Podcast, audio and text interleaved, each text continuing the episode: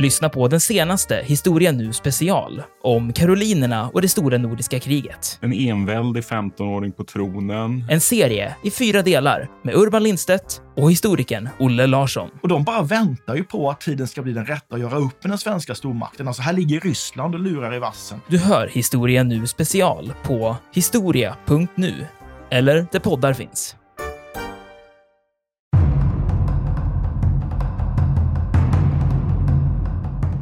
Den första framgång man har faktiskt är att, att tyskarna lyckas då i november, någon vecka in i november, ta då en viktig järnvägsknut som heter Tickvin som ligger långt österut och därifrån har man då kunnat ta förnödenheter snabbt med järnväg upp till Ladoga och sen via då vattenytan in i Leningrad. Den tar tyskarna, men det lyckas man återta faktiskt. Men under den där perioden där på hösten, under någon månad ungefär, då bygger man en skogsväg där man då under tysk beskjutning för fram då förnödenheter. Så många sådana här scener utspelar sig under den här. Och även sen då den här vägen över isen som vi har pratat om. Livets väg. Livets väg är ju oerhörda dramatiska berättelser. Man till och med utlyser ju tävlingar om vilka chaufförer som kan köra. Jag tror det var tre gånger.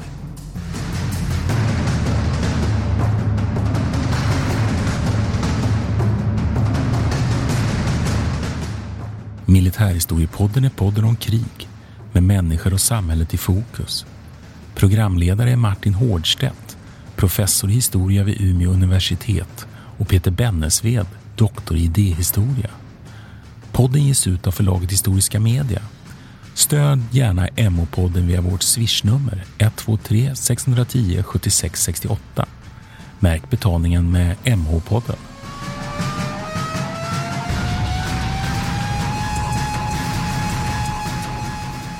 Välkomna till Militärhistoriepodden. Det här är Peter Bennesved. Och det här är Martin Hårdstedt. Idag ska vi prata om Leningrad. Och eh, mer specifikt belägringen av Leningrad. Är det, alltså jag tycker ibland så står det slaget om Leningrad. Ibland är det belägringen av Leningrad. Jag antar att vi ska hantera båda. Och det här är en, eh, en ganska lång historia kan man säga. Den pågår i mer exakt 872 dagar och mm. pågår mellan 8 september 1941 och 27 januari 1944. Mm. Och så kan jag fråga dig då, Martin. Skulle du kunna tänka dig äta en annan människa? Nej, det skulle jag inte kunna tänka mig att göra. Och jag har eh, till och med nog funderat kring om jag skulle komma ett läge, om jag skulle komma, om jag ska vara beredd att göra det under vissa omständigheter. Men jag, mm. ja, men eh, nej. Ja, men det, det är precis. Nej. nej. men man tänker, nej. Sig, man tänker sig det. Det men det är också lätt att säga. Nu sitter man här i typ 25 plusgrader mätt. Man ja, jag, har 30, jag har 33 här. Ja, du har 33, ja. okej. Okay. Det är nog inte riktigt så varmt här i Ljusdal. Men eh, förutsättningarna är lite annorlunda än vad det var i Leningrad kan man säga. Mm. Det här eh, belägringen har blivit väldigt känd för den här kannibalismen. Vi ska prata mer om det sen. Men man kan ju bara tillägga att antagligen skulle du aldrig behövt göra det beslutet för du ska antagligen vara död innan dess. Mm. Om man kollar på statistiken. Okay. För tydligen är det män, eh, män över 50. Det är de som stryker med först. Okej. Okay. Ja, hur känns det? Ja, det känns väl... Ja, vad ska jag svara på det? Det känns väl som det känns om jag uttrycker mig så. men, ja. Nej, vi, ska inte skratta, vi ska inte skratta om det heller. Det här är en väldigt eh, alltså, otrolig humanitär katastrof också. Och mm. vi ska diskutera lite av de här konflikterna mellan å ena sidan den militära historien och å andra sidan den civila historien. Mm. Därför att det, det handlar ju, alltså belägringen är, och, och det, det, konstaterade vi lite när vi förberedde oss inför det här, att vi har ju haft ett antal sådana här, vad ska säga, belägringsavsnitt. Vi har pratat om Stalingrad, vi har varit inne på det här, vi pratat om Ukraina, vi pratat om Grosny när det gäller Tjetjenienkonflikten och så vidare. och så vidare. Och det är ju en, en väldigt infernalisk situation när civila inne i en stad hamnar mitt i kriget som det ju handlar om här i Leningrad. Och, och man kan väl konstatera där att Leningrad är ju en stor stad. Vad, vad, vad handlar det om på 30-talet? Vi pratar om tre miljoner invånare i, Leningrad. Ja, 3,2 miljoner. Ja. Men bara för att bygga vidare på det där som du sa, så kan man ju säga vi har ju pratat om belägringen för, förut, som sagt. Men det har ju varit, senast var pratade vi om Wien, 1637. Nej, 1683, 80, 83. Ja. Mm. Men det här är ju en miljonstad. Liksom. Och jag vet inte om det måste nog betraktas som den första stora belägringen av en, av en stad av det här slaget, i alla fall som pågår så länge. Och Ja, på det viset är det ju Mm. unikt. Och det är ju, någonting, det är ju en speciell typ av krigföring också. En, en ny form av belägringskrigföring. Egentligen, där man, som mer handlar om att bara skära av de yttre försörjningslinjerna. Och inte, det är liksom ingen stadsmur som man står och bankar på. Eh, ja, eller delvis. Det finns vissa likheter förstås. Det är En belägring är alltid en belägring. Men det här är någonting annat. Men ska jag säga lite om Leningrads eh, liksom, utveckling? Jag kan ju säga att en av orsakerna till att Leningrad är, för, är intressant för båda sidor i den här konflikten, det vill säga Nazityskland och Sovjetunionen, eh, är ju att det här är ju ett av de största industriella centren för Sovjetunionen. Det är här man producerar den största delen av, av eh, det är just hela liksom krigsmaskineriet i Sovjetunionen.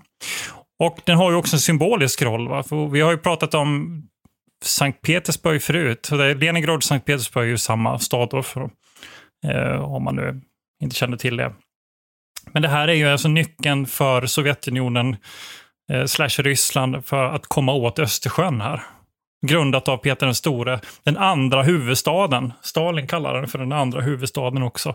Så det finns, det finns en viss rivalitet här inom Sovjetunionen och inom Ryssland. Å ena sidan Sankt Petersburg och å andra sidan Moskva. Och de har olika så att säga, politiska poler kan man säga.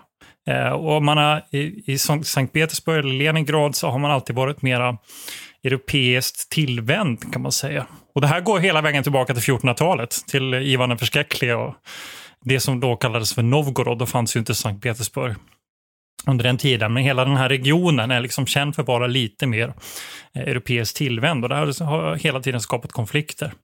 Men under Sovjettiden så, så kör man hårt med sina femårsplaner och i, i princip omformar Sankt Petersburg och dess historiska arv till ett industriellt komplex. Framförallt så är det den här Kirov-industrin som är väldigt känd. Va? Och den växer något otroligt under, under 30-talet. Du sa tre, tre miljoner människor. Från eh, 1927 så var det, eller 1927 var 1,6 miljoner till 3,2 miljoner 1941. Så den växer på tio år, alltså dubblas i storlek i princip. Och det här skapar en hel del konflikter också för, eller problem inom Leningrad. Det här är inte en stad som är redo för den typen av belägring som man kommer möta.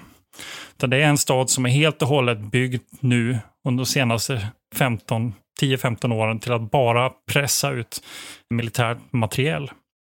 Man har inte riktigt förutsättningarna för att rent humanitärt klara av den, den pressen. Ja, logistik och sanitet eh, och så vidare. Precis, och, och alla satsningar som görs från, från kommunistpartiet hamnar ju rakt in i den industriella apparaten och inte för att understödja liksom, den civila befolkningen.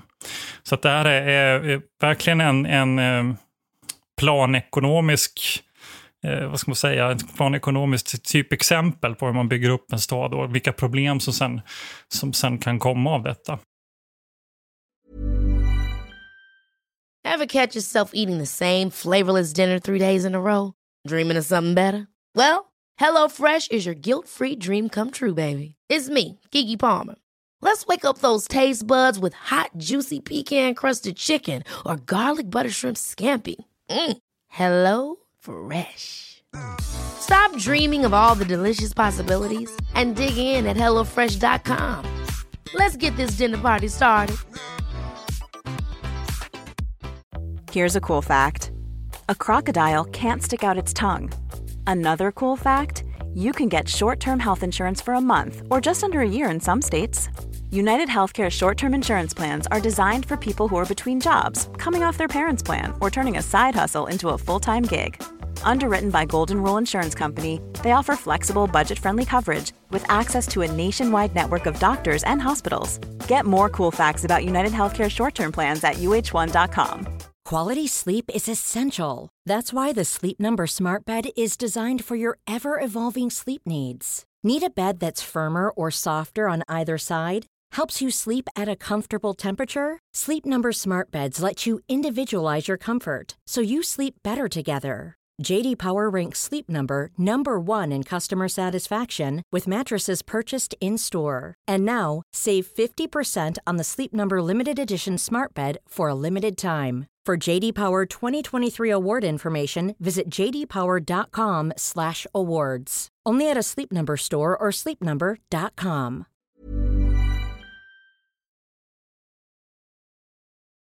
Politiskt så styrs det av den här eh, Stanov. Jag vet inte, kommer du prata om honom? Har Nej, någon idé nej, jag har ingen idé om honom. Nej, men han är tillsatt av Stalin. Då. Det, Mm. det, det är liksom en av Stalins närmsta under den här perioden. Det är bland annat han som också är tillsammans med Beria ansvarig för Katynmassakern. Som vi kanske kommer ta upp i något annat avsnitt. Jag vet, vi pratade lite grann om det i invasionen av Polen. Ja, alltså likvid, likvideringen av, av Ja. polska officerare, och det har vi, har vi varit inne på när, när vi pratar om Polenfälttåget. att Det politiska styret i Leningrad är viktigt och ligger nära Stalin. Och Stalin har tidigare försökt rensa ut politiska, liksom, vad han tycker då är radikala element här. Så man, redan 37-38 så var det faktiskt 40 000 människor som, som eh, strök med i en sån här liksom, intern, vad ska man kalla- det, nästan inbördeskrig. här Och en del av liksom, Stalins terror. Så att det finns tidigt en konflikt här som, som kommer också spelas ut under den här belägringen lite grann. För att lösa de här humanitära problemen så börjar man också eh, rensa ut, eller man egentligen konfiskerar väldigt mycket mat och livsmedel från baltstaterna. Det är också en viktig kontext att ha med sig in i den här konflikten. För att baltstaterna är alldeles, alldeles nyligen annekterade av Sovjetunionen i enlighet med den här pakten som har varit. De här områdena har, eh, är väldigt skickliga på plocka fram matprodukter, framförallt mjölkprodukter av olika slag. Det här materialet, eller livsmedel, försöker man bara forsla in i Leningrad egentligen. Så att man har ingen, ingen bra egen produktion av livsmedel när den här belägringen sätter igång, utan man försöker redan innan kriget sätter igång utarma områden runt omkring här. Mm, och den pakt du, du anspelar på är ju Ribbentrop-Molotov-pakten som ju ger, ger Stalin möjlighet, så att säga, med Hitlers eh, goda minne att lägga under sig då baltstaterna. Ja, exakt. Sen kan man ju fråga sig också, att, vad ska Tyskland göra där egentligen? Mm. Men sen, sen skulle jag ju vilja säga att det finns en del militära skäl också. Dels vi Östersjöflottan. Och den ligger ju där ute med, med, med, med den här marinbasen Kronstadt, eller hur? Och det är ju där, därför egentligen Sankt Petersburg en gång i tiden kommer till under Peter den stores tid, utan nu att, att säga för mycket om det där så, så är det ju så att det är ju liksom egentligen en flottbas huvudstad om man säger. Och precis som du säger, det är ju den här som vetter västerut och så vidare. Så det är ju, det är ju en aspekt på detta också. Att, och de här örlogsfartygen kommer att spela en roll sen militärt under faktiskt belägringen. De kommer vara så att säga flytande eller stillastående artilleribatterier och kommer att bekämpas också inte minst från, från luften av tyskarna. Så det, det är väl en, en aspekt. Du var inne på en annan sak där lite hur den här eh, försvars... Alltså man, man gör precis som i, i, i det avsnitt vi spelade in för, inte så länge sedan så pratade vi om Kursk, eller hur? Och, och hur man eh, från sovjetisk sida ju tog ut hela civilbefolkningen och helt enkelt egentligen grävde upp hela, hela området och gjorde ja, tankstiken, tanksgravar, skyttegravar och så vidare. och så vidare. Det gör man också här. Här använder man civilbefolkningen och man bygger ett antal såna här försvarslinjer kring Leningrad. Men har man dem när man sätter igång? Eller när de, bygger de man dem finns där egentligen? tyskarna kommer. Sen kommer tyskarna ta sig igenom de flesta av dem där. Men, men det är samma idé här, att man använder civilbefolkningen att, att gräva då helt enkelt hinder för den här tys, tyska invasionen. Och det är klart man kan spekulera lite kring hur viktiga, det, viktiga de där var. Det är klart att de hade betydelse. De fick ju ner farten har på fått- det här tyska anfallet. Jag har lite grann fått intrycket av att eh, Stalin hade någon slags inställning här om att, att Tyskland skulle aldrig, det skulle aldrig kunna komma in någon fiende på sovjetiskt territorium. Och att man därav, eller därför egentligen inte brydde sig mycket om just att bygga upp den här typen av försvarslinjer. Nej, men man hinner, man hinner göra det innan, innan tyskarna når fram. För det tar ju ändå ett tag för tyskarna att skjuta sig så att säga, genom Baltikum och komma upp till Sankt Petersburg. Sen tycker jag att det finns en annan aspekt som du kanske säkert hade tänkt, tänkt att ta upp då, Peter. Men, men det är ju den här, kan man kalla det för en symbolfrågan med Leningrad som, som revolutionsstaden där det startar och, och som ju har viktig symbolisk betydelse för båda de här motståndarna, både för Stalin och för Sovjetunionen, men också för Hitler, att ta den här staden och, och förinta den här staden. Och där tycker jag väl direkt att man kan nämna att ur tysk perspektiv så var man inte intresserad av att behålla de här industricentren som du har, beskrivit här. Utan de ville man egentligen utplåna. Ja. De skulle bort. Därför att i, så att säga, den tyska idén om ett, ett livsrum i öster så skulle de områdena producera inte industriprodukter med råvaror och mat och livsmedel. Just det. Nej, men jag, exakt, jag kommer att tänka på hungerplanen Ja. eh, som man byggde upp. Jag vet, vi diskuterade under Operation Barbarossa. Just det, inledningsskedet. Ja, ja. och där, är det är lite den attityden märks ju av här. Att man egentligen inte är intresserad av staden i sig, utan den, den ska bara förintas. Jag har också fått intryck att det handlar om en slags symbolisk, alltså i hans, eh, Hitlers liksom, ra- rasideologiska perspektiv så, så betraktade han Sankt Petersburg och Leningrad som en slags slavernas intrång i Östersjön till ett, Ja. ett hav som Mm. då skulle egentligen vara ett ariskt liksom innanhav. Nej, så, så avsikten var ju eh, huruvida man liksom hade tänkt att verkställa detta sättet, det, det får vi ju aldrig veta, men planläggning och de, de uttryck som kan, kom och den policy man, man pratade om, det var ju egentligen att göra sig av med de här städerna och lägga dem, förstöra dem och fördriva befolkningen eller helt enkelt döda befolkningen. Det är ju den krassa sanningen. Vilket otroligt grisigt sätt att... Ja, det är det, men vi ska ju ha klart för oss att den här, det här kriget på östfronten, som vi nu har spelat in ett så. antal avsnitt, det, Ja. det, det, handlar ju, det handlar ju om lite andra saker också än den andra krigföringen som förs på olika sidor. Jag vet att vi, vi nämnde vid något tillfälle att krigföring i Nordafrika hade någon form av gentlemannakrig över sig. Det kan man ju diskutera i det oändliga, vad menar man med det då? Men, men att här är det inte så, utan det här är ju verkligen den ideologiska raskampen som är helt naken. Och den visar sig ju sen då också när man väl har, ta, har inneslutit Leningrad, vi kommer ju till det sen, att man, man terrorskjuter, och beskjuter ju Leningrad systematiskt och det vet man ju om på tysk sida vad man skjuter på. Man skjuter på sjukhus och skolor och, och bostadsområden. Alltså man slutar aldrig bli förfärad över det. Jag, antar att det, jag, jag hoppas att det är ett sundhetstecken. På sätt och Det- vis. det är det, Men, och- men, alltså, ja. Ja, ja, och vi, vi ska väl inte nu komma med nutida paralleller, de kan vi vä- vänta lite med. Men, men kanske att vi skulle sätta, ska vi sätta in den här Leningrad-belägring i det stora sammanhanget? Ska vi göra det? Och det är ju så Klar. att, att när, när Barbarossa sätter igång så är det ju så att den, den, de, det är ju tre stycken så att säga frontavsnitt man anfaller på. Då, så att säga. Det är nord, det är mitt och det är syd. Och nord är det frontavsnitt som får minst resurser. Så det ska man ha klart för sig här. Och som dessutom blir av med många av sina bästa förband, divisioner, nämligen pansardivisionerna så småningom.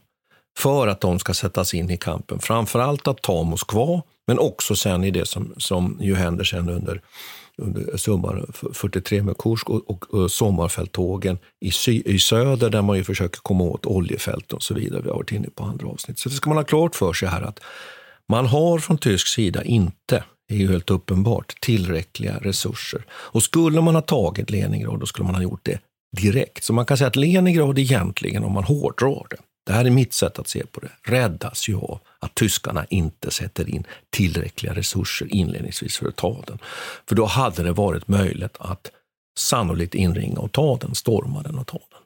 Utan det blir så att man har otillräckligt med förband och ryssarna på sin sida slåss ju förtvivlat och till, har tillräckligt mycket för att stå emot. Det är väl egentligen eh, eh, svaret på varför den inte faller, Leningrad. Och sen kan man ju diskutera en del, eh, en del andra saker. En aspekt här som jag tycker direkt att vi kan spela in, och nu är det ju inte nu, då kommer du då skratta här, men det är ju detta med Finland, men det är ju verkligen relevant i det här fallet. Är det, Den finska det, är inte tidigt för, är det inte tidigt för det? Nej, det, det Nej, jag tycker inte att det är det. Därför att vi ska, jag tror att vi direkt måste säga att, att i det här anfall Barbarossa från då sommaren 41 och som sträcker sig in under, under hösten. Och då kan vi konstatera det då att Leningrad ligger ju precis inne i Finska viken och jag tror att det kan vara bra för er eh, lyssnare att faktiskt titta på en karta så att ni hänger med här lite. Och då är det så att Karelska näset, det ligger ju egentligen på Karelska näset, Leningrad. Och det är ju den smala landtungan då mellan Finska viken och sjön Ladoga. Och på Karelska näset anföll ju finska armén. Men den stannar ju upp på behörigt avstånd från Leningrad. Och det beror ju på att man i det finska, i det finska ledarskapet eh, med Mannerheim men också med, med, med, med Ryti och andra personer fattar beslutet att vi ska inte medverka till att ta Leningrad. Och det där är ju väldigt intressant varför man tänker så. Ja, det ena är att man ju moraliskt menar att vi har rätt att återta det vi förlorade i vinterkriget 39-40. Det är det som är vårt krigsmål. Men man kan, skulle ju kunna tänkt sig att ett större krigsmål hade ju varit att ta Leningrad för att sudda ut det här hotet mot Finland. Därför att det är ju klart att bara det att Leningrad finns är ju ett hot.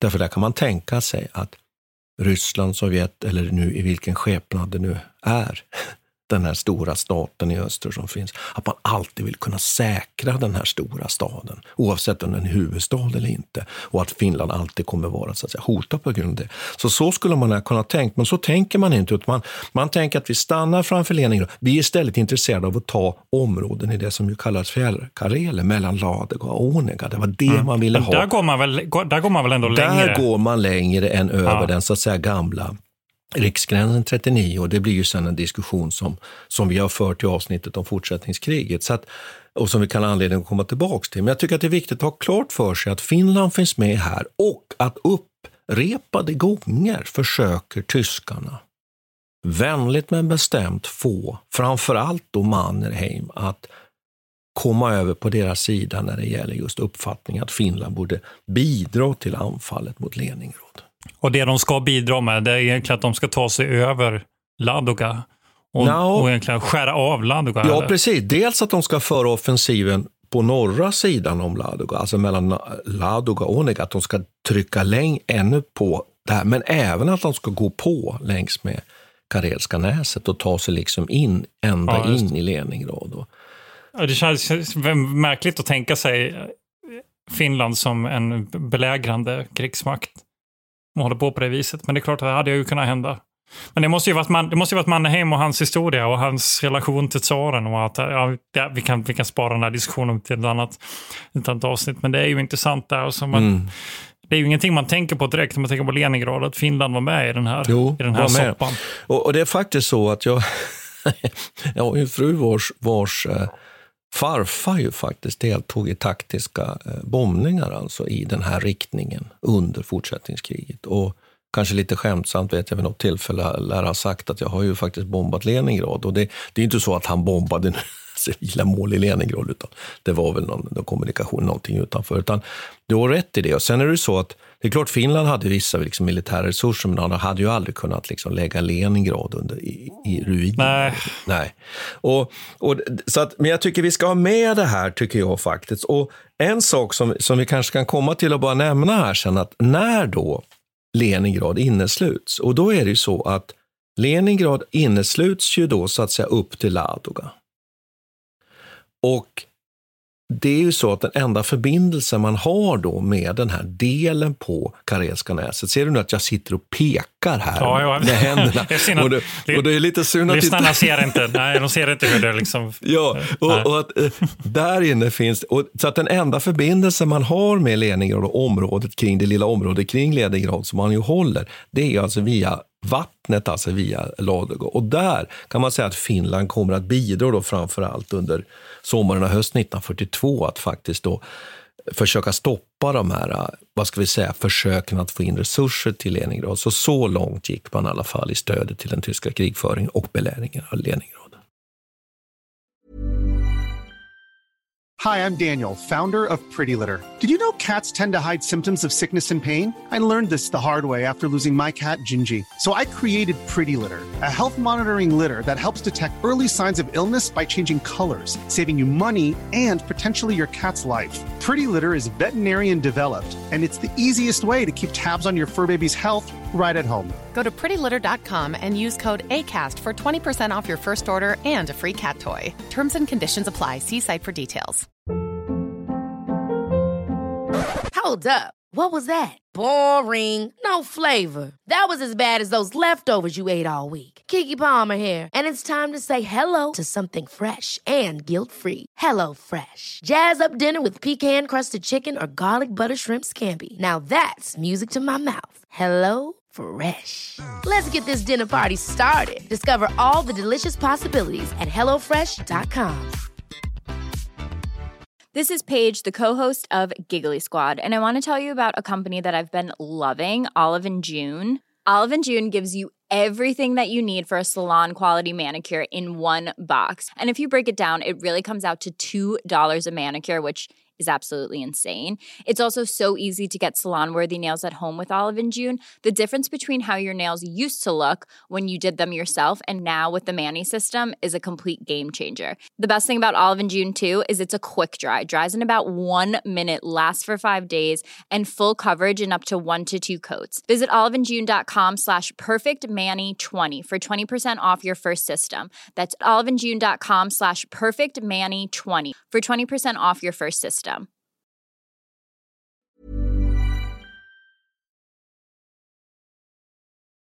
Men du, då vill jag skjuta in en fråga här. När vi ändå Ja. pratar om liksom uppdraget, vad är syftet, vad är meningen? Är det ett rimligt uppdrag till att, till att börja med? Alltså, Tänk, finns det någon, tänkte du på det finns- finska nu eller tänkte du på det Nej, jag tyska? tänker, jag tänker Ja. på, på Hitlers liksom, Mm. försök, hans tanke att vi ska ta Lenin, eller vi tar, eller vi ska förstöra eller svälta ut eller åtminstone egentligen bara svepa över den här staden.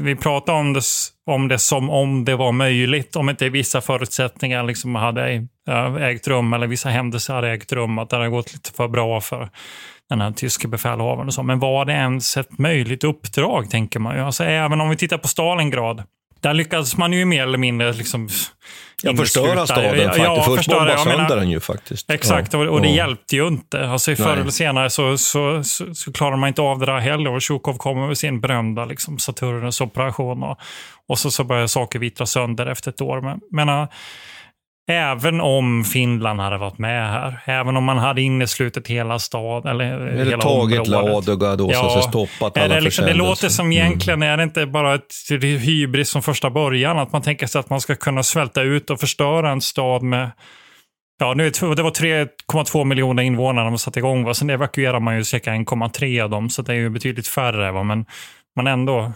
Ja. Jag vet inte. Vad Nej, säger alltså, du om det? Alltså nu, nu, kommer, nu är vi inne på avdelningen kvalificerade spekulationer. Ja, men, men, det är ju gillar klart vi. att hade man, hade man tryckt hela så att säga, den, den, den sovjetiska fronten väsentligt långt österut och knä, knäppt av Murmanskbanan, tagit hela vattenytan, Ladoga, Onega. Det är klart att då hade ju Leningrad så småningom varit helt uppgivet naturligtvis. Så att eh, det, sen är inte frågan att man kanske då hade, som du säger, kunnat gå från hus till hus. Eh, Så småningom hade väl människor dött där inne, om man uttrycker sig så. Så att det är väl klart Men det låter själv. som helt... För skulle man kunna... Kan du inte tänka dig tanken att försöka svälta ihjäl? Ja, i alla fall en och en halv miljoner, miljon. två miljoner, ja. ja. Nej, det, det vill jag inte ens tänka på, känner jag. Ja, men jag menar det. Jag menar, alltså, det låter som ett helt bisarrt uppdrag egentligen. Och att själva utgångspunkten var liksom ett stort misslyckande bara det. Ett, ett utslag av eh, Hitlers hybris. Ja, sak samma. Men det är ju intressant. Det är kontrafaktiskt också. Så, Ja, men, men, men- vi kan... Men, ja. nå- men några saker tycker jag man skulle kunna liksom för, föra, föra till här då. Att, att eh, det är ju så då att man gör ju från, från sovjetisk sida naturligtvis ett antal försök under den här långa perioden. Nu är vi framme till hösten och staden är så att säga innesluten som vi har, har beskrivit här. Och den här platsen då, där så att säga, där inneslutningen till slut då sker, den, den heter Schüsselburg, eh, och den kan man leta upp då på kartan om man vill det.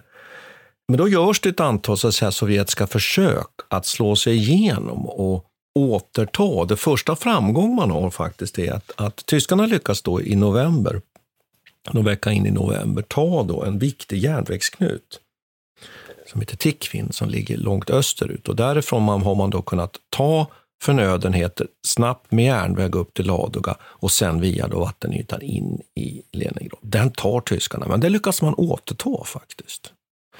Men under den där perioden där på hösten, under någon månad ungefär, då bygger man en skogsväg där man då under tysk beskjutning för fram då förnödenheter. Så många sådana här scener utspelar sig under den här.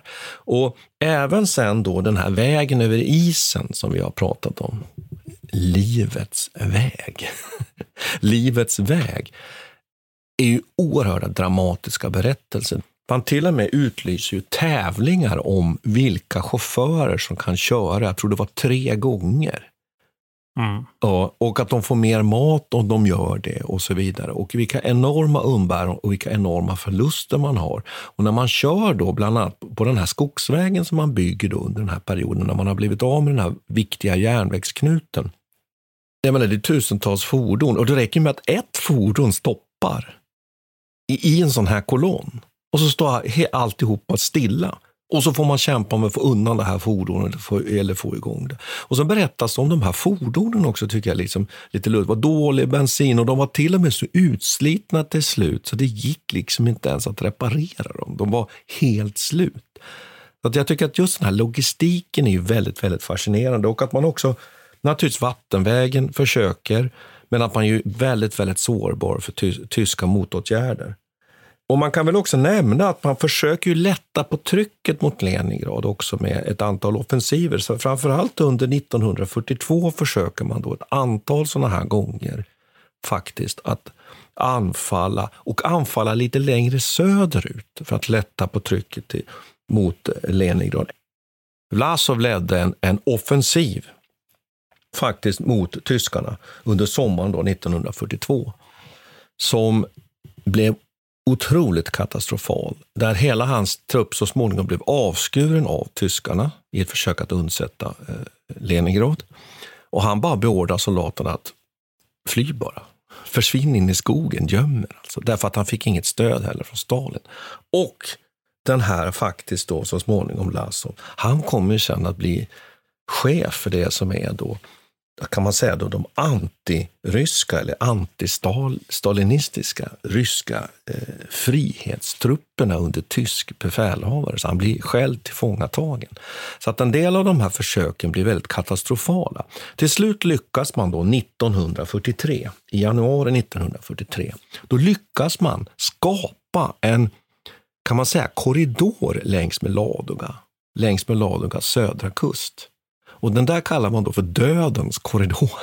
Det är livets väg över Ladoga. Och dödens korridor. Och då är egentligen eh, rent sådär kan man säga då tekniskt så är ju egentligen Leningrad inte längre inneslutet. Därför längs med den här landkorridoren då kan man ju föra in förnödenheter, men till oerhörda förluster då. För tyskarna kan ju skjuta på de här sovjetiska kolonnerna som på sittande fågel. Då. Så att jag tycker det är viktigt att ha med att man gör sådana här försök som blir väldigt katastrofala fiaskon, men som till slut lyckas då i januari 1943. Det finns väl ett problem här i historiesynen lite grann på Leningrad, huruvida man anser att Stalin brydde sig om Leningrad eller inte. Och jag vet att den här offensiven har bland annat använts som en slags bevis. Den här Vlasov som jag nämnde ja, här. Ja, att, precis. Mm. Att uh, Stalin faktiskt hade ett intresse av att försöka ta tillbaka Leningrad, men det tog ganska lång tid får man ändå säga. Nu är vi inne på 1943. Belägringen sätter igång 1941. Men sen på tal om det här med livets väg och dödens korridor. Jag ifrågasätter det. Jag vet inte, mina, mina eh, källor antyder någonting annat. De kommenterar på det där, att det har kallats för livets väg. Men, men okay. tycker att det är mer, mer ja. passande namn borde vara dödens väg jo, även där. Jo, men det, det, är väl liksom själva grejen där, tänker jag mig. Ja, att... ja precis. Det beror på ja. vilken, vilken, vilken sätt man betraktar det här på. För det, ja. jag, jag, kan återkomma till det där, men det finns ju några väldigt brutala händelser runt den här Ladoga sjön också som mm. kan prata om men, strax. Men det jag, tänkte, det jag tänkte nämna är då att, att också att en del av de här offensiverna som, som man sätter igång från Sovjets sida, de sätter man igång också när man har information om att nu tänker tyskarna försöka storma Leningrad. Då sätter man in en sån här offensiv och så får man tyskarna naturligtvis att avbryta sina försök att storma Leningrad och till och med skicka dit. Och vid, vid flera av de här tillfällena så är man ju tvungen att förstärka trupperna då kring, kring Leningrad faktiskt, därför att inte det ska gå åt helsike helt enkelt. Och, och, så är det bland annat då i, i, under 1942, att man faktiskt då är tvungen att flytta upp trupper från till och med Krim faktiskt, för att stötta de här äh, tyska trupperna runt Leningrad så att de inte helt enkelt, att det blir ett sovjetiskt genombrott där eller att hela belägring går, går om intet. Men det måste ju också betyda att det finns en attitydförändring i, hos Hitler här, att man faktiskt till slut blir intresserad av att inte bara svälta ut Leningrad, utan man bara, nej men nu måste vi faktiskt ta den här staden. Ta, ta oss då, för det kan man lite fundera kring annars, därför att man beskjuter ju annars den här eh, Leningrad och den här beskjutningen, den var väl mera regelbunden än intensiv, om man skulle uttrycka mm. det så. och det har jag inte själv hittat på, det har jag hämtat från litteraturen när jag har läst om det här, att den, att, att den pågick hela tiden, men den var inte tillräckligt intensiv för att egentligen slå ut stadens vare sig försvar eller egentligen civilbefolkning. Och det, det där kan man ju fundera lite på. Och det är ju enorma mängder naturligtvis granater som regnar ner över den här staden. Det är, och det där kan man ju naturligtvis exercera lite, de där siffrorna. Jag vet inte, är du, är du intresserad, är du intresserad av sådana där siffror? Ja, kör lite siffror, Martin. Tycker du det? men, nej, men dels är det ju hundratusentals då vanliga spränggranater. 150 000. Jag vet inte vad det säger egentligen. Vanliga ja, det, är det, precis, det, är det, det är alltid ja. det man återkommer till med ja. de där siffrorna. Och sen, nej, precis. Och sen 100 000 då brandbomber och sen på detta då sen så bombar man. Och där tycker jag man kan komma in på en sak. att Ett skäl eh, tror jag till att man ju inte lyckas så att säga radera ut den här staden fullständigt. Nu, nu vet inte jag, nu kanske jag direkt är tvungen att säga emot mig själv efter att ha sagt detta, men om man hade haft ett strategiskt tungt bombflyg Ja, som de allierade exakt. hade. Ja, utan det, det räcker liksom inte med... med, Nej, med jag då- tänkte ju säga det. Alltså, de där siffrorna, var 150 000, det är liksom ingenting jämfört med de miljoner av tonnage av bomber som man släpper över de tyska städerna med, bomb, med det strategiska bombflyget. Så det är, ju, det är ju väldigt lite egentligen. Och det har ju också att göra med att, precis som du säger, att det är artilleri huvudsakligen och inte kanske så Nej. mycket bombflyg. Och det kan man ju spekulera lite kring då. Att vi vet ju att man lägger st- st- stöder i Europa i ruiner i Tyskland, men får inte heller någon effekt av det heller egentligen. Men det kan man väl tänka sig att och det, man kommer inte så långt med, med Juncker och Hankel och sånt som, och Stukas som man hade på tysk sida när det gäller att, att fullständigt radera ut en stad. Nej, men jag vet inte, det verkar som att de har, har koncentrerat den där typen av luftstridskrafter mer på, på Stalingrad. Det är ju annars känt Jo. för den Ja, typen och av att strategisk bomb. ja. Ja. Sätter egentligen hela stan i, i, i eld bara. Men att även där så genomförs ju de här bombningarna inte av det som vi ju ser de allierade gör. Alltså det är ju, det är ju alltså en flygplatsmateriel, om man uttrycker sig så, på, som är mycket, mycket, mycket större och Nej, kan inte lyfta in nu- mycket in- fler bomber. Nej, exakt. Ja. Inte på lång sikt. Nej. Så, inte med så många räder liksom, som man gör mot Berlin. Bara till 85 stycken. Så allting så tyder för det som, du, det som du antyder lite här, det är ju att den här, den här Leningrad-belägringen egentligen, den är på sätt och vis att man, man innesluter staden, men man är inte helt säker på att man vill storma och ta den. Där kan man ju fundera kring, är det förlusterna eller vad man, har, man tänkt, har man tänkt att den ska ge upp? Och det var ju väl det som var strategin. Mm. Det var ju det som var strategin, att den skulle ge upp, att den skulle svältas ut. Och, det, Ja, precis. Och inte bara militärt, utan även själva civilbefolkningen i sig ska dö. Ja. För att man inte ska behöva liksom, ge de här ma- människorna mat. De ska inte behöva understödja dem. De ska inte behöva ta hand om dem om, överhuvudtaget. Mm. Men, men man kan säga att den tyska operationen mot Leningrad, från högsta ledningen och ner till de som förde befäl på plats, den, den lämnar väldigt många frågetecken.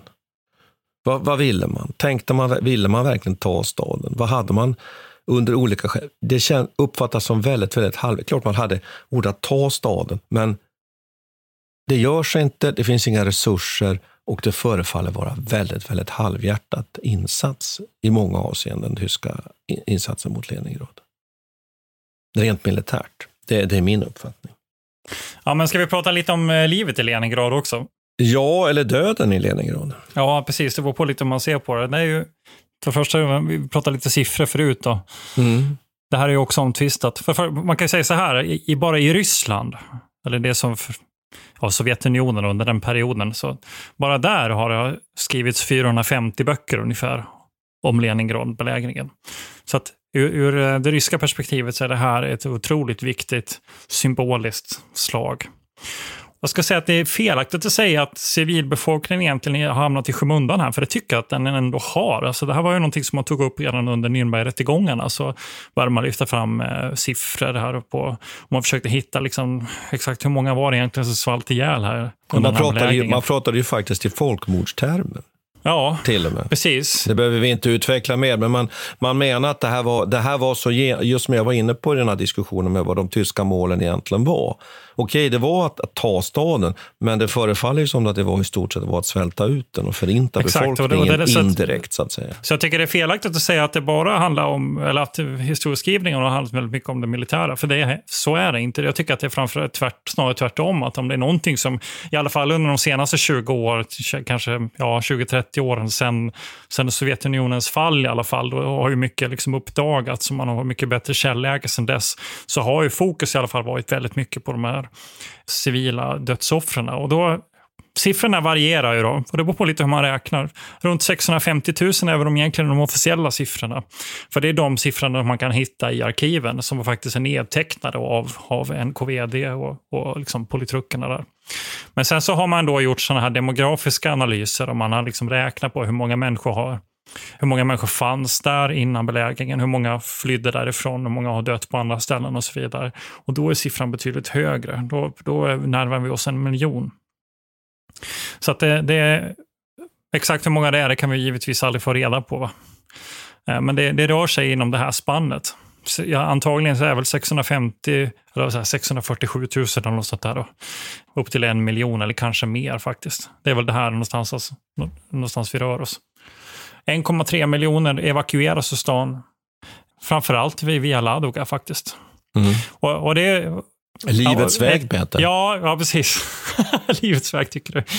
Nej, men, och, och, Det man kan konstatera här är att man är väldigt sen med att faktiskt fatta vad det, är som, vad det är man behöver göra. Det tar väldigt lång tid innan de här evakueringarna sätter igång. Då är redan belägringen igång i princip. Då har man inte, inte riktigt förstått. Och, och order från Stalin är in i det sista egentligen att bara producera krigsmaterial så, så långt det går. Man till och med flyger ut material därifrån bara för att liksom, hålla produktionen igång. Det, det funkar ett tag, va, så länge de här kraftverken är igång. Men framåt november, december 1941 så börjar det bli allt svårare att hålla igång det här. Men, men, men viss produktion finns, finns egentligen hela tiden. Och det är alltid den som prioriteras man är väldigt sen på bollen kan man säga. Och som jag sa innan, här, så förutsättningarna var dåliga redan innan. Så under 1941, så, eller 1940 ungefär, så räknar man ungefär 60 procent av lönen för en arbetare i den här stan. Då ska man säga att det finns 1,9 miljoner arbetare, folk som bara är sysselsatta inom industrin. Så det är en enorm industristad. Va? Ungefär 60 procent av deras lön går åt mat redan då. Mm. Mm. Och man, man har svårt att liksom få fram bröd innan, innan det här kriget sätter igång. Så, att, så problemen finns ju redan här. Ja, det som händer är ju att folk svälter helt, helt enkelt. Man, man, eh, man skär ner matransonerna alldeles för sent. Jag vet inte om det hade hjälpt egentligen, men det är en sån här kritik som man, som man har fört fram eh, mer nutida, att man borde ha tidigare börjat ransonera. Eh, fortfarande så var liksom restauranger igång och sånt här och det gick att köpa mat på olika ställen ganska långt in på den här belägringen, de första två månaderna egentligen. Så, men, men där borde man ha kapat, kapat ransoneringen på en gång. Tyskarna lyckas också bomba en, eh, en stor silo med mm, vete. Mm. Och det, det var ett stort problem. Alltså. En enorm, enorm mängd av den mat som man tänkte man skulle kunna utnyttja fanns i den här silon och man hade inte placerat ut den. Alltså man hade inte decentraliserat de här lagren på ett bra sätt, utan allting bara brann upp. Så, där, så där, eh, tidigt så insåg man att man skulle hamna, vara väldigt kort när vintern som kommer. Man kapar ner till, och då är den här berömda siffran 125 gram, i det står att det är december 1941 man åt, det 125 gram bröd per person. Och då är det folk som är i så kallad beroendeställning och folk som jobbar på kontor som inte har manuellt arbete eh, och barn och så här, de får 125 gram. De som arbetar inom industrin. Du får 375 gram, så de får lite, nästan mer än dubbelt. Då. Så det är ganska stor skillnad, men det är fortfarande så löjligt. Mm. Löjligt lite. Liksom. Mm. Och det är obegripligt hur, hur de lyckas leva på det här. Och det gör man inte heller. Man får komma ihåg att befolkningen som, som finns i Leningrad, de har ju väldigt olika förutsättningar, även om det, det är ett kommunistiskt samhälle. Men, men inom eh, det här kommunistpartiet så finns det också hierarkier. Det finns också olika förutsättningar. Många flyktingar kommer ju till Leningrad också, så att människor som kanske inte bodde där innan fastnar i Leningrad, som inte har släktingar, inte har vänner, som inte har jobb. De som har jobb inom till exempel matindustrin, den lilla som finns, de klarar sig faktiskt väldigt bra. Nästan ingen som jobbar inom matindustrin svälter under Leningradbelägringen.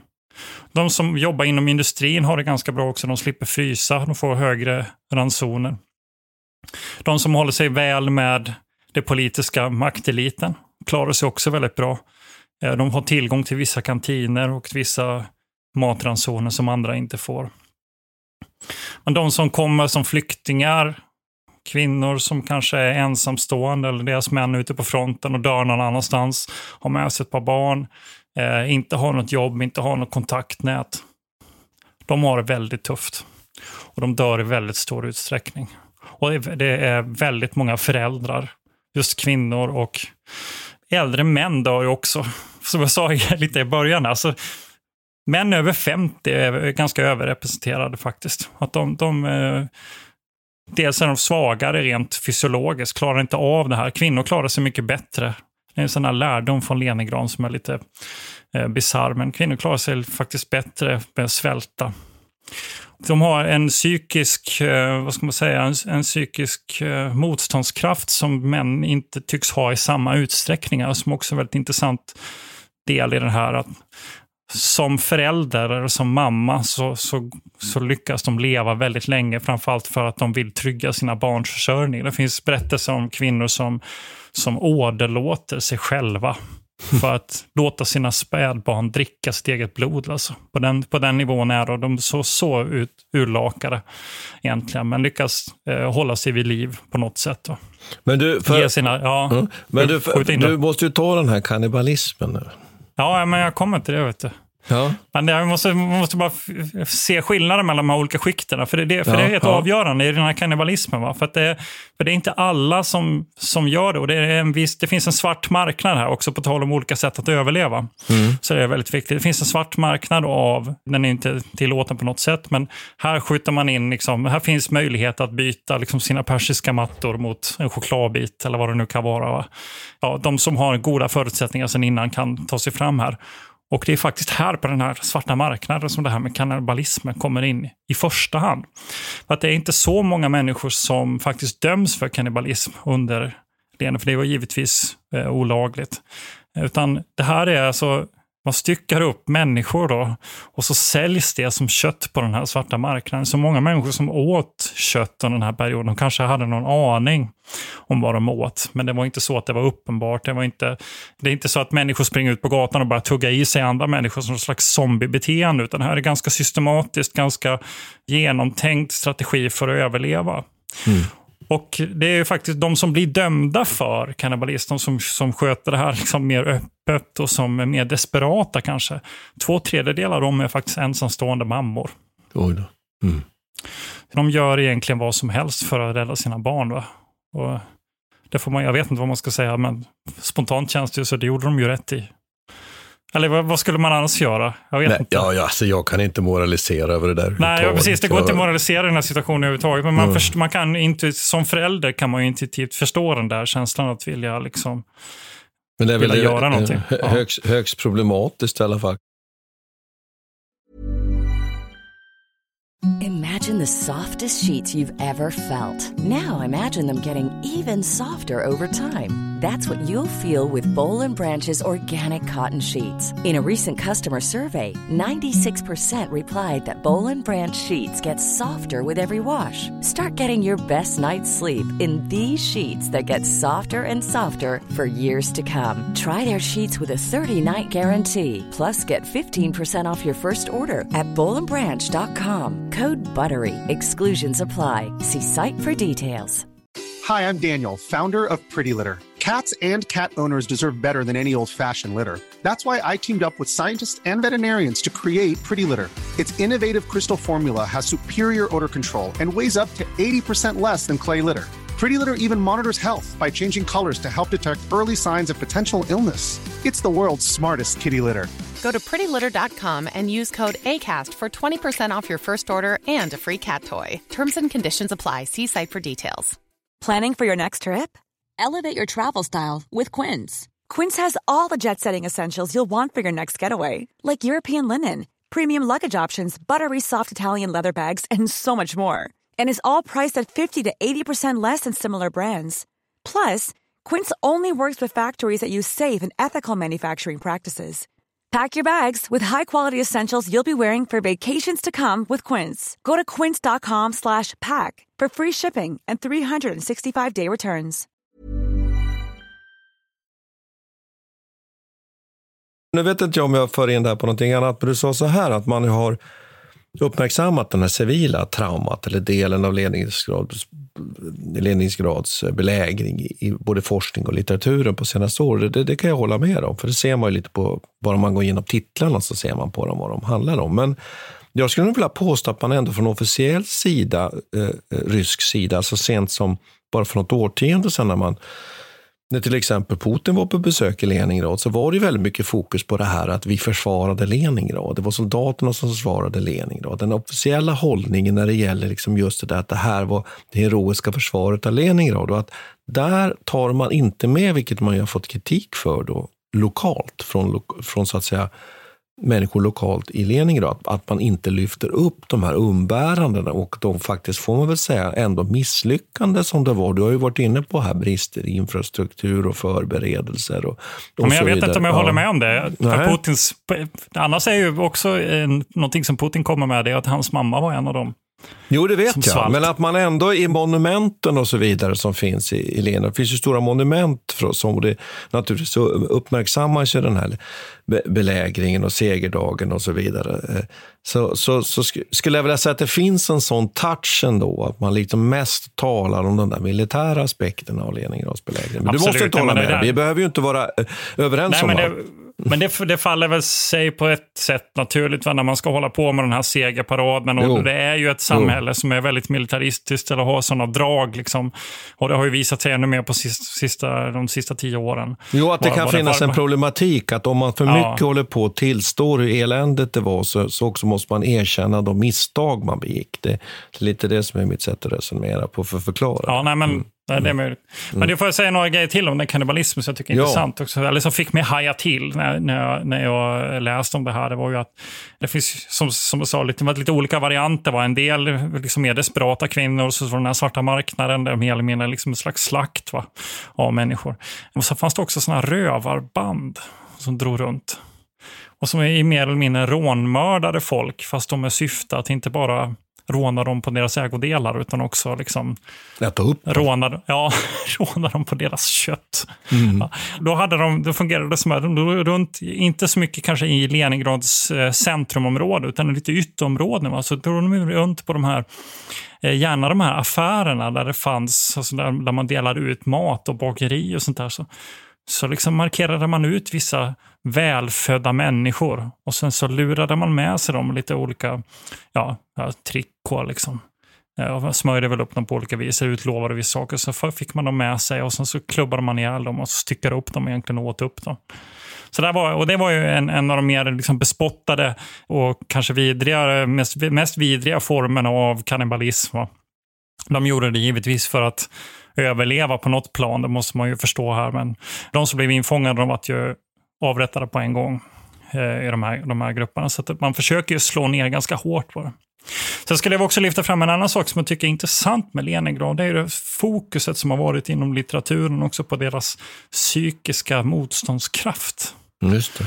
Och det är mm. någonting som jag tycker, och, och, det är väl lite det man har försökt plocka upp där som du pratade om, liksom segerdagen, hur ser man på det här? Vad, vad finns det i den här befolkningen som, som klarar av att stå emot det här? För det här, man går tidigt ut med olika förhållningsregler, att män måste raka sig, Just man ska det. sysselsätta mm. sig med att mm. läsa saker mm. av något slags, verk, alltså någon slags verkshöjd också. Gärna konst och litteratur, alltså det är inte bara vad, vad som helst, utan man ska försöka eh, liksom sysselsätta sig in. Man får inte prata om mat förutom när man äter. Och man ska hjälpa till att städa och det, ska, det här ska roteras på ett schema också. Det ska hela tiden finnas en sysselsättning. För ett av problemen här det är när människorna så att säga, börjar kollapsa. Deras psykiska välstånd börjar kollapsa. Det finns till och med en del som, som menar att vissa människor de dog av skräck. Av någon slags total eh, förargelse eller någon slags eh, känsla av, av meningslöshet och bara satte sig ner och dog. Va? Det finns en del berättelser om om människor som, eh, som skulle promenera och hämta eh, sin ranson och så på, på vägen hem så blir han så trött så han vill bara sätta sig ner. Och det är ofta så man, man har hittat dem då på vintern när de har satt sig ner någonstans och så bara dör de på plats. Men så är det då någon, någon kvinna som går förbi eller någon som ser honom som skriker åt honom så här. Upp med dig! Gå iväg! Sitt inte bara där. Och, och han, han i efterhand då menar han då att det var det som räddade mig. Att det fanns den här personen som bara sa åt mig att du måste leva, du måste göra någonting, du måste röra på dig.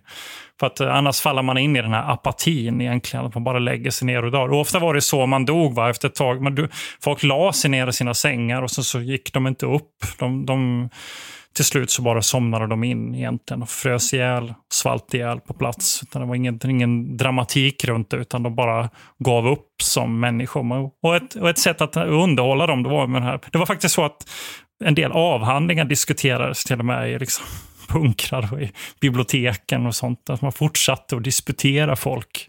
Och symfoniorkestern uppförde... Ja, precis. Och det där är också en sån klassiker. Att man Sjostakovitj, Leningrad, ja. eller hur? Ja. ja men, och det är ju intressant, va? den här förmågan, den mänskliga förmågan att, att, eh, att upprätthålla den här värdigheten också som människa. Att, och att det är också nyckeln till för väldigt många av de här människorna att överleva mm. det de ser. Då. Det är väldigt, ja. Men det som, det som är, jo, och det som är intressant med, med, med Leningrad, förutom de här alla så att säga, detaljaspekten, det är ju det storheten på det hela som jag varit inne på. Att det är så oerhört ja. många människor på samma plats. Skalan. Ja, skalan på det hela. Då. Ja. Men, men jag vet inte, ska, man, ska vi sammanfatta Leningrads belägring lite? Ska vi göra det?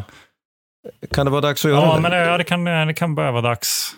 Om man sammanfattar eh, Leningrad, belägringen av Leningrad, så kan man konstatera att den tyska befälhavaren då var ansvarig för att inta Leningrad, han trodde att han hade 35 divisioner, han hade bara 26. Och dessutom blev han ju av också med, med ganska snabbt en pansarkår som försvann till Moskva. Och så här var det egentligen hela tiden, att man hade inte tillräckligt med resurser. Och man kunde så att säga hålla emot och stoppa de här sovjetiska försöken ända fram till då i januari 1943 då, då ryssarna lyckas då skapa en sån här korridor. Och sen så brakar ju alltihopa samman, vilket vi inte egentligen har sagt, men att det sen så småningom, ju 1944, så brakar ju fronten samman. Men det kan vi ha anledning att återkomma när vi liksom pratar lite om, om, om striderna i Baltikum också. Men att det här ju framför allt också intressant med den finska aspekten. Vad hade Finland för mål och vad bidrog Finland till? Här har vi resonerat kring. Och, men sen framför allt det här mänskliga dramat. Jag tycker att precis det här mänskliga dramat här. Ja, belägringsdramat. Ja. Exakt, men det ger ju mycket förklaring också till vad, om vi ska vara lite samtids historiker också, så ger du lite förklaring till att förstå vad det är de här människorna i till exempel Ukraina, Mariupol, de här belägrade städerna, mm. vad de faktiskt vad de, vad de står ut med och vad, vad människorna är kapabla till. För nu, det var länge sedan Leningrad, men, men människan i sig är sig lik. Va? Kan sen, sen, kan man väl konstatera här nu då att, att tyskarna förlorar ju Lite beroende på hur man räknar med operationerna kring Leningrad, ungefär 700 000 man i förluster i stupade och sårade.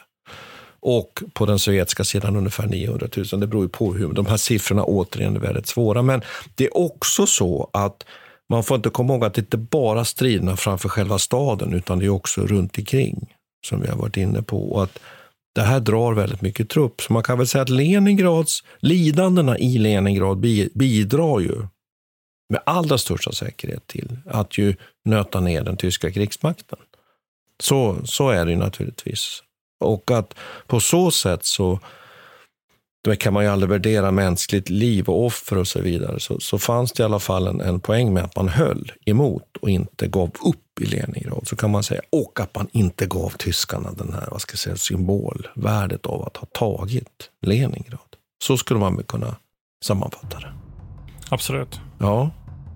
ja ska vi känna oss nöjda, nöjda där eller? Jag tror det dramatiskt och ganska otäcka saker idag. Men, ja, det är det. men tack ska vi ha. Ja, tack ska vi ha. Vi tackar Peter Bennesved och Martin Hårdstedt. Kontakta gärna Militärhistoriepodden via mejl på militarhistoriepodden historia.nu. Peter och Martin vill gärna få in synpunkter och förslag till programidéer.